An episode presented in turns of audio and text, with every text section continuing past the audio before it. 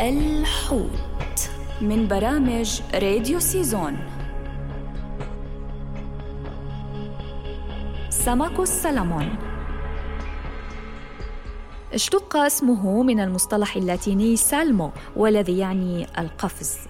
يعد سمك السلمون مفيدا للبشر ويذكر أن عدد أنواعه بلغ ثمانية أنواع فضلا عن وجود أربعة أنواع من السلمون المزيف مثل سمك الدانوب الذي يعيش في المياه العذبة.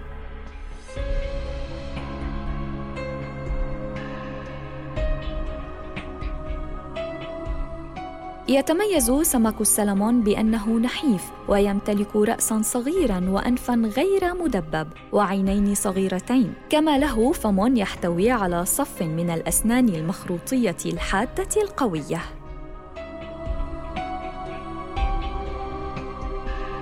يصل وزنه إلى أربعة كيلوغرامات ونصف وطوله بين 60 إلى 90 سنتيمتر.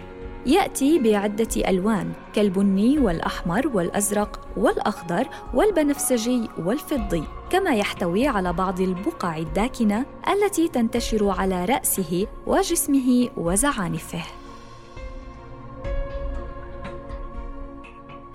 أسماك السلمون مخلوقات اجتماعية إذ تعيش ضمن مجموعات تعرف بالحاضنات. وأثبتت بعض الدراسات أن سلوك سمك السلمون يتأثر بالعوامل المحيطة والظروف التي يتعرض لها. فعندما يتعرض سطح الماء لأشعة ضوئية قوية يغوص السلمون إلى عمق تتعدل فيه الإضاءة.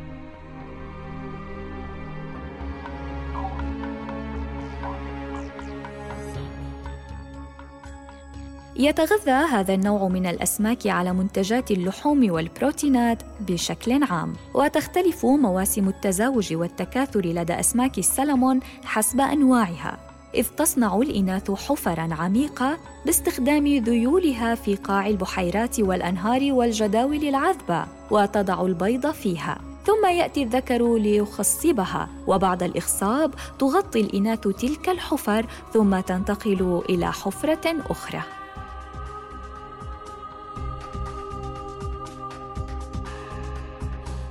وفي معظم الأوقات يتوقف السلمون عن تناول الطعام أثناء الرحلة إلى المياه العذبة للتكاثر. وعندما تضع الإناث البيض تكون منهكة القوى فيموت معظمها بعد وضع البيض. وتتحلل في المياه منتجة عناصر غذائية للحيوانات الأخرى.